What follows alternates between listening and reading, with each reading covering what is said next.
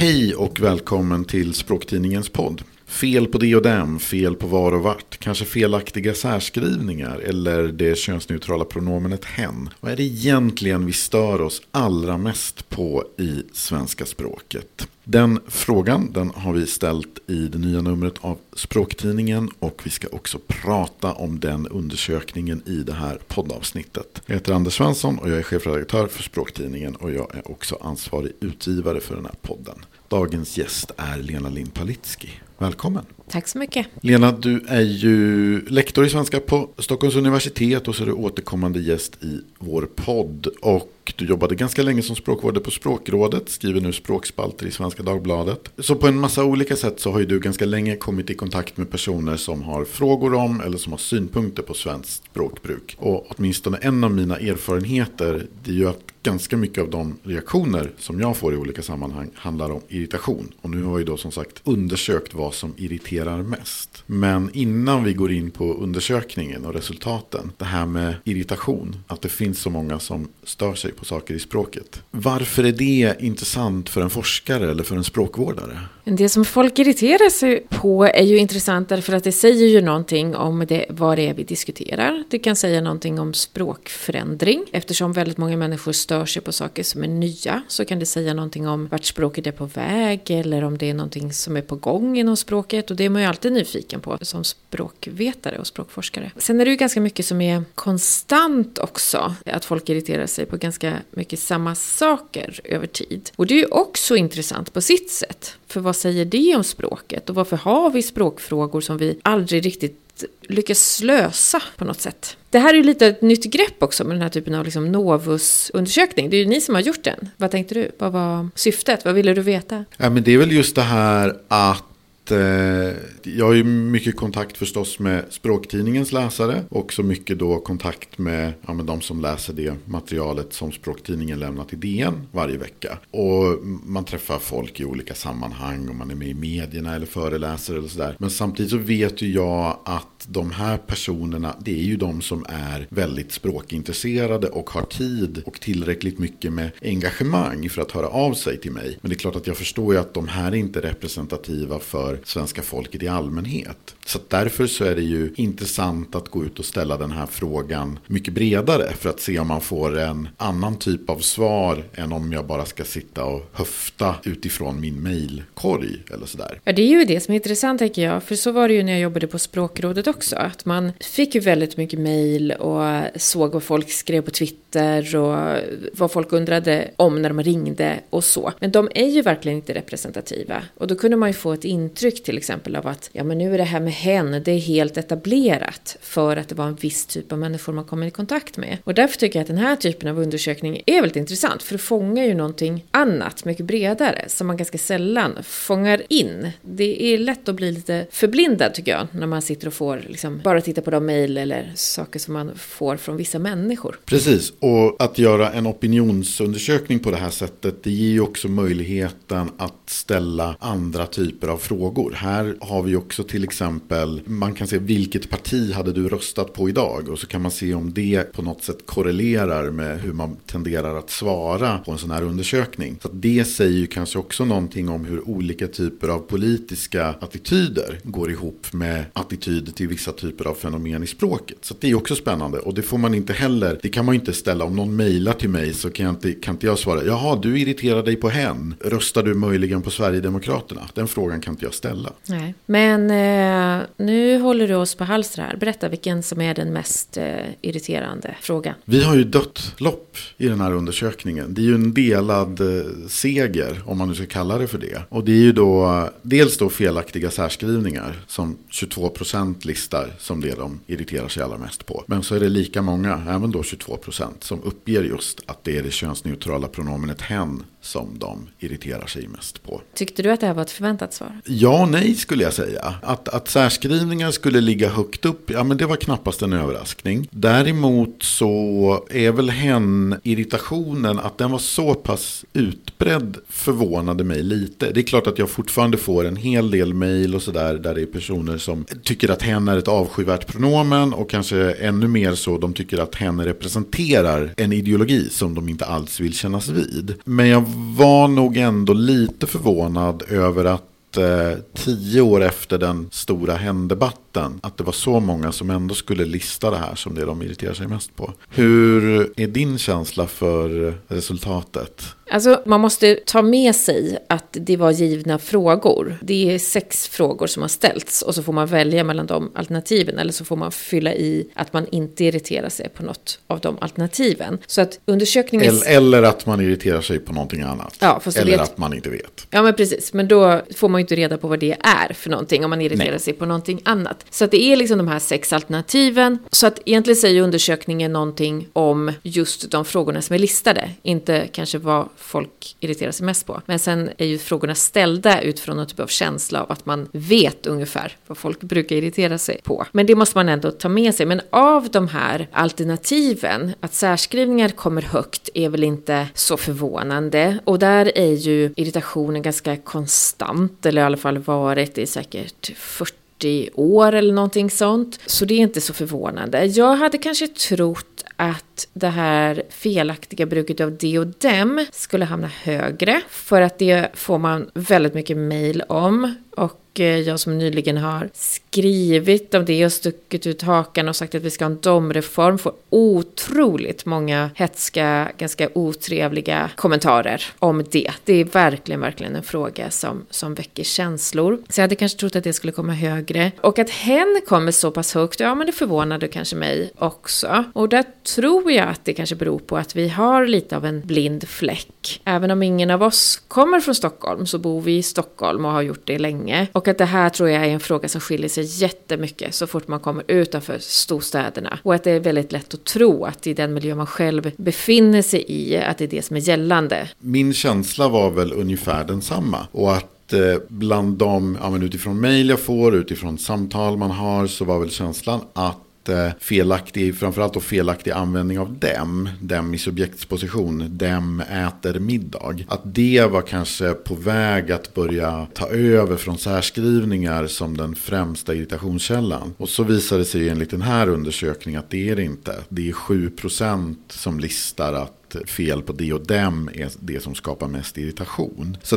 dels så visar väl det just det här att de vi har kontakt med, det är inte på något sätt så att de är representativa för hela Sveriges befolkning. Och sen så tycker jag också det är intressant det här man ser med hen, som du är lite inne på, att irritationen den är lägre i lite yngre åldrar och den är lägre bland högskole och universitetsutbildade och den är lägre i storstäderna. Medan om vi kommer ut på landsbygden och bland de som har fyllt 65 5 och bland dem också då som har grundskola eller gymnasieskola som högsta utbildning så är det betydligt fler som irriterar sig på det könsneutrala pronomenet hen. Och framförallt så är det ju, ger det ju utslag på politisk tillhörighet. Och det är ju en känsla som man har haft ganska länge. Att det här handlar om, framförallt på skalan, är du liksom konservativ så gillar du inte pronomenet hen, men om du röstar på med Vänsterpartiet, Miljöpartiet och så vidare, då är du mycket mer positiv till hen. Och det tycker jag är ett jätteintressant resultat med den här undersökningen, att det visar så tydligt att det är liksom den parametern som är ganska utslagsgivande när det gäller den frågan. Det ger ju också utslag på andra frågor. Det tycker jag också är intressant. Att man verkligen kan se att det blir tydligt till exempel att onödiga engelska lånord, ja, det stör man sig på om man är äldre. Där är ju ålder en utslagsgivande faktor. Det är inte konstigt för att äldre människor är ofta lite sämre på engelska än vad yngre människor är. Det är ofta de yngre som för in de engelska lånorden i språket och så vidare. Så att det är inte konstigt men det blir väldigt svart på vitt i den här undersökningen. Det blir verkligen det. Bland de som har fyllt 65 år så är det ju då 29 procent som som uppger att vad vi då kallar för onödiga engelska lånord, att det är den främsta källan till irritation. Medan om vi tittar i åldersgruppen 30 till 49 år så är det 9 procent och i åldersgruppen 18 till 29 så är det 11 procent. Så det är en ganska stor skillnad. Och när vi då pratar partipolitisk hemvist, vad man säger att man skulle rösta på, så är det då hela 50 procent av de som sympatiserar med Sverigedemokraterna som säger att hen är irritationskälla nummer ett. Medan om vi tar Vänsterpartiet, Miljöpartiet, Liberalerna, Centerpartiet så är siffran för de fyra partierna, då ligger irritationen för hen mellan 5 och 7 procent. Det är stor skillnad. Det är tio gånger så många som sympatiserar med Sverigedemokraterna som tycker att det här är rejält irriterande. Och det är förstås ett intressant resultat. Har du någon känsla för vad det kan bero på? Man kopplar ju sociala värden till olika ord. Och ordet hen så kopplar man ju en typ av genusdebatt. Det kommer också mycket från liksom den rörelsen, från en feministisk rörelse och framförallt från en queer-rörelse, hbtqi-rörelse. Det vet vi ju generellt, att liksom de här partierna har ju olika inställning och olika politik i den typen av, av frågor såklart. Och då blir det också en symbol, att själva ordet blir en symbol. Så det är ju inte konstigt, liksom ord och språk är ju mycket större än själva orden, för vi kopplar olika, olika värden till dem. Precis, jag tror att det är, det är så jag också har tolkat det här. Och som sagt, det här kommer inte helt överraskande just att till exempel Sverigedemokraternas sympatisörer är väldigt negativt inställda till hen. Det tycker jag det är en reaktion som man har mött i ganska många olika sammanhang. Men det är ändå intressant att åtminstone den bilden, att få se att jo, men den bilden är faktiskt korrekt. Att de är rejält mycket mer kritiska än vad andra grupper är. En annan sak som är intressant, som är ju utslagsgivande, det är ju det här med, med D och dem och de som irriterar sig mycket på det. Den parametern som sticker ut här, det är ju utbildningsgrad. Ju högre utbildning du har, desto mer irriterar du dig på felaktiga D och dem. Och det här kan man ju verkligen koppla till debatten, där det verkligen är människor som faktiskt behärskar den här distinktionen, som är de som hörs i debatten. Jag har ju analyserat den här debatten, hur den har varit under hela 1900-talet och 2000-talet. Och inte en enda text som jag har sett så är det någon som har svårt att skilja på det och dem som hörs i debatten. Det är bara skribenter eller debattörer som faktiskt själv kan den här skillnaden. Och det är ju väldigt intressant för det blir ju, ja man ska säga elitistisk typ av diskussion ju. Man pratar om de andras språk eller att det, är så här, det här skulle vara bra för de andra eller de lågutbildade eller, eller så. Men de hörs liksom inte i debatten. Ja, för jag tycker det är intressant att om man går tillbaka till den här undersökningen då så är det ju ganska få, ja, bland de yngsta i åldersgruppen 18 till 29 år så är det bara 3% som uppger att de tycker att fel på det och dem är mest störande. Det finns ju en betydande skillnad mellan lite yngre och lite äldre i det och dem-frågan vad gäller irritation. Tror du att det i sig är någonting som skulle kunna öppna dörren lite för en domreform på sikt? Ja, men så kan man absolut tolka resultaten. Om de äldre är mer konservativa och de yngre är mer öppna, de stör sig inte alls lika mycket, då är ju de mer mottagliga för en reform. Så skulle jag absolut säga. Det gäller ju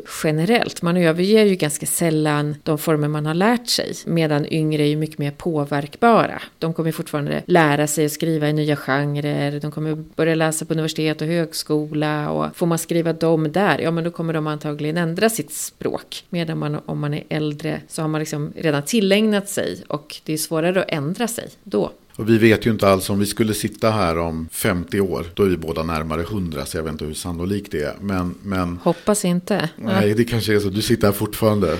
Timlärare på Stockholms universitet. Precis. Strax före 100. Det jag funderar på också är att eh, det och dem kommer ju naturligtvis inte. Om det skulle bli så i efterhand. Det kan vi inte säga något om idag. Men om 2022 skulle bli de reformens år i någon slags historieskrivning efteråt. Som ett slags symbolår när några tog steget över eller sådär. Även om det skulle bli så så kommer vi leva med parallella system. Många som har växt upp med att man skiljer på det och dem och gör det väldigt tydligt. De kommer ju precis som du var inne på, kommer ju de här personerna med all sannolikhet att göra hela sina liv. Ja, jag brukar ju säga att människor inte ändrar sig men att de dör och då ändrar språket ändå. Så är det ju verkligen med den frågan. I en av de andra frågorna så är ju ålder också väldigt utslagsgivande i den här frågan eh, om att använda ord som indian, eskimo, zigenare, lapp som är de exempel som mm. ges. Om det är någonting som irriterar språkbrukarna. Där har ju stor skillnad. De som är mellan 18 och 29 så säger 20 procent att de irriterar sig på det här. Medan det är 1 procent i åldern 65 till 79.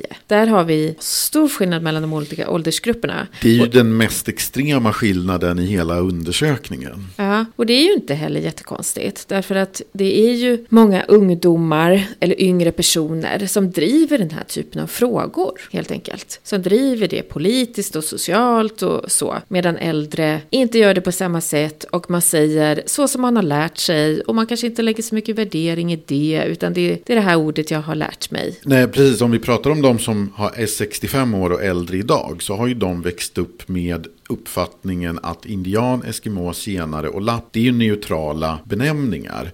De är inte rasistiska eller fördomsfulla eller nedsättande från den som säger det. Medan bland de unga, alltså de som är unga idag, då har man ju växt upp med, eller ganska många i alla fall, har lärt sig att de här orden är problematiska. För att de förmedlar värderingar eller representerar en syn på olika minoriteter eller sådär som inte var positiv och som vi därför bör överge. Det är också intressant skulle jag säga då att här har vi också en ganska stor skillnad mellan Sverigedemokraternas väljare och övriga grupper. Det är inte någon av dem som i den här undersökningen uppger att de sympatiserar med Sverigedemokraterna som tycker att eh, användning av indian, eskimo, senare eller lapp är den främsta irritationskällan i språket idag. Jag är lite intresserad också av den här siffran som säger att 25% av de som svarar säger jag irriterar mig inte på något av de som har högst grundskola som utbildning. Det är en ganska hög siffra. Medan det är, om man har gått på universitet, då är det 7% som inte irriterar sig på något. Och man kan ju förstå på ett sätt att ju högre utbildning desto mer irritation. Men på ett annat sätt så skulle man ju vilja att högre utbildning kanske också gav större tolerans. I alla fall vill man ju gärna det när man är universitetslärare. Att studenterna ska få liksom större förståelse, sätta sig in i många perspektiv och att man ska få liksom bredare kunskap om saker så att man ska bli mer tolerant. Men så verkar det ju inte vara. Den självklara frågan blir ju då om du skulle välja någon av de här sex svarsalternativen i undersökningen. Vad skulle du säga att du irriterar dig mest på här? Mm, så svår fråga. Det är ju svårt med den här typen av undersökningar tycker jag för att de är så kontextlösa. Att jag stör mig inte lika mycket på särskrivningar eller det och dem eller var och vart om det är ett väldigt vardagligt sammanhang såklart. Men om det står i tidningstext och det ser ut som att det är väldigt slarvigt att de har sparkat alla korrekturläsare som jag brukar tjata om, vilket de har. Då stör jag mig mycket på det. För då blir det att någon som ska vara professionell och behärskar språket, eller om det skulle stå i myndighetsspråk, om jag skulle gå in på en webbplats från en myndighet på Skatteverket och så skulle det vara en massa språkfel av den här typen, då skulle jag störa mig jättemycket på det såklart. Så i ett formellt sammanhang då, säg en text i Dagens Nyheter eller en text på Skatteverkets webbplats, alltså ganska hög formell nivå. Vad av de här tycker du skulle sticka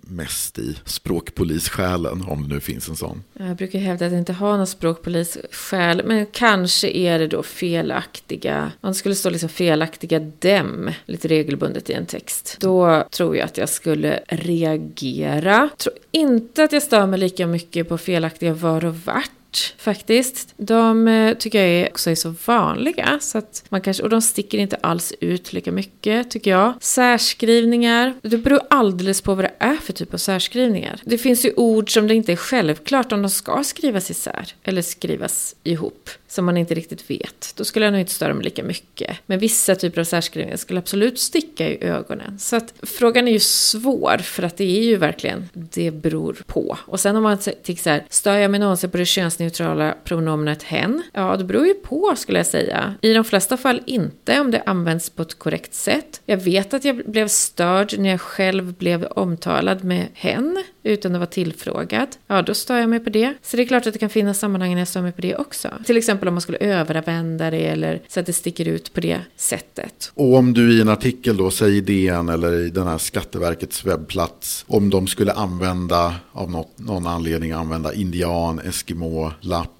senare, något av de orden. Hur skulle du tänka då? Då skulle jag tycka att det är tondövt. Att man inte har hängt med i debatten och att det skulle vara lite respektlöst. Men däremot om gammelmormor 94 skulle prata om eh, eskimoer eller indianer så skulle jag inte reagera nämnvärt. Vilken irriterar du dig mest på? Jag skulle nog säga att eh, ja, men min tolerans när det gäller ja, men informella typer av texter, alltså om man ser andras eh, chatt chattar, mail, menyer på restauranger eller ja, men sånt som kanske inte är skrivet av professionella skribenter. Då tror jag också att jag har en ganska hög toleransnivå. Då är det nästan mer så här, ser jag en felaktig särskrivning så kanske jag fnissa lite om den blir rolig och annars så går jag bara vidare. Men det är klart att i sam, ungefär samma sammanhang, säg en text i DN då eller någonting sånt. Så det är klart att om en skribent genomgående, så att man förstår att skribenten faktiskt inte behärskar det här, utan att det genomgående skulle stå dem springer och dem äter. Men det måste jag ju medge att det skär ju i min språkpolissjäl. Det finns ju naturligtvis en liten sån också. Och sen så är det väl mer det här med, jag tror inte jag stör mig så jättemycket på var och var svart och jag kan tänka mig att det beror på att jag kommer från Mälardalen och från en trakt eller region där man tenderar att överanvända vart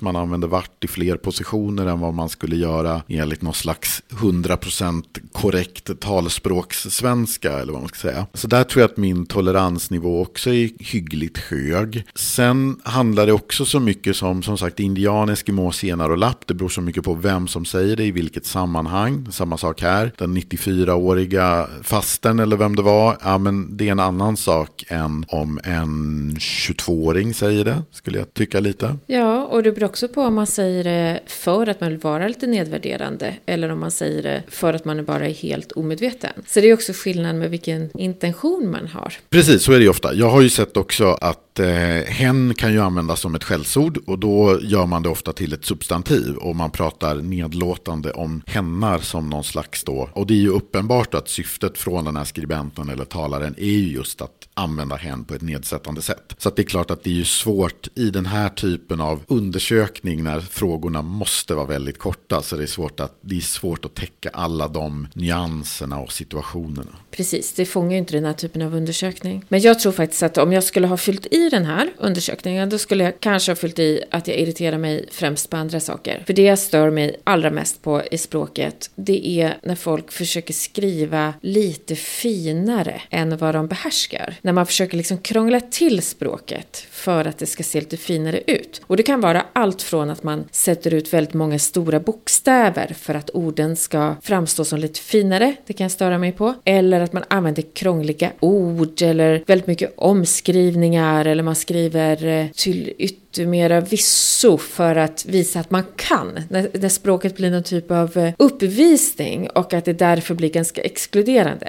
Det är min absolut största käpphäst. Det där kan ju vara knepigt också för då lägger man ju ribban för sig själv så högt. Då kan det vara svårt också att leva upp till alla de där kraven. Men jag tänker också när vi pratar just det och dem här. Kan inte det vara så att vi, ett skäl till att vi ser många, kanske då framförallt felaktiga dem, att en förklaring är just att det är många som kanske försöker skriva på en formell nivå som de kanske inte riktigt behärskar och att man ser dem som ett led i att just höja nivån lite. Ja, det är en förklaring som ofta ges. Vi vet väl egentligen inte om den är sann, helt enkelt. Eller om det bara är så att man inte behärskar distinktionen och vet när det ska vara vad. Jag tänkte vi skulle avrunda den här podden med att eh, blicka lite framåt. Att om vi skulle be Novus ställa den här samma fråga om eh, säg 20-25 år, ungefär det tidsperspektivet. Vad tror du skulle ha förändrats i resultaten? Det är Jättesvårt att svara på, men en ganska spännande fråga. Om man ska tolka de här resultaten, det är ganska lite utslag på till exempel var och vart. Det kan man ju tolka som att det här är ingenting som man bryr sig så mycket om och man stör sig inte så mycket på när det blir fel och därför kanske den språkfrågan kommer bli ganska oviktig och att man kommer få se större variation eller en sammanflytning liksom av var och vart. Så. Jag tror att man kommer få se en stor förändring när det gäller engelska lånord eftersom det är så tydligt att det är de äldre som stör sig mest på det. Och när de dör ut så kommer inte det heller få lika stort utslag, tror jag. Så att du tror inte att om vi skulle ställa den här frågan om eh, 25 år, då har ju både du och jag gått i pension, gissningsvis. Du tror inte vi sitter där på våra kammare och muttrar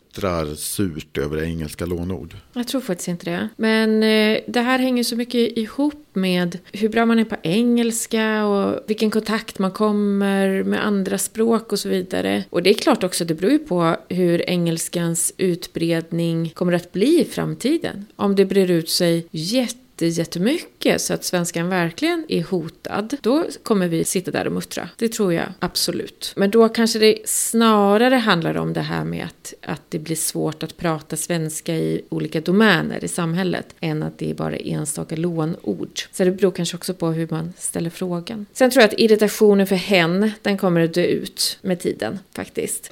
Hoppas i alla fall. Och jag tror att när de här ungdomarna blir äldre som använder andra ord istället för indian, och eskimo, senare och lapp och så. De andra orden kommer ju att sätta sig allt mer i språket. Men det kommer ju hela tiden komma nya typer av ord. Det här är ju bara exempel på liksom någon typ av eh, laddade ord när det gäller benämningar. Och där tror jag att det kommer att komma många, många fler och många nya sådana ord. Precis, för det här är ju en typ av, de här är någon slags symbol idag för benämningar som språkvården ganska nyligen har börjat stämpla som olämpliga. Men det är klart att den här typen av debatter, vilka ord som är olämpliga, det har vi ju alla tider. Ja, och den har ju blivit mycket starkare de senaste åren, så den tror jag kommer att, att fortsätta. Och det är ju en debatt som man måste föra, för det handlar ju om så mycket annat. Det handlar ju inte så mycket om orden i sig, utan med vad man lägger in i de orden och de föreställningar som ligger bakom. Men de är väldigt olika de här orden. Indian har vi ganska nyligen börjat ifrågasätta, medan lapp var ganska länge sedan som vi bytte till same. De ligger ju lite olika i förändringsprocessen. Vissa har ju kommit väldigt långt och andra inte. Då säger jag tack så mycket Lena Limpalitski. Tack så mycket Anders Svensson.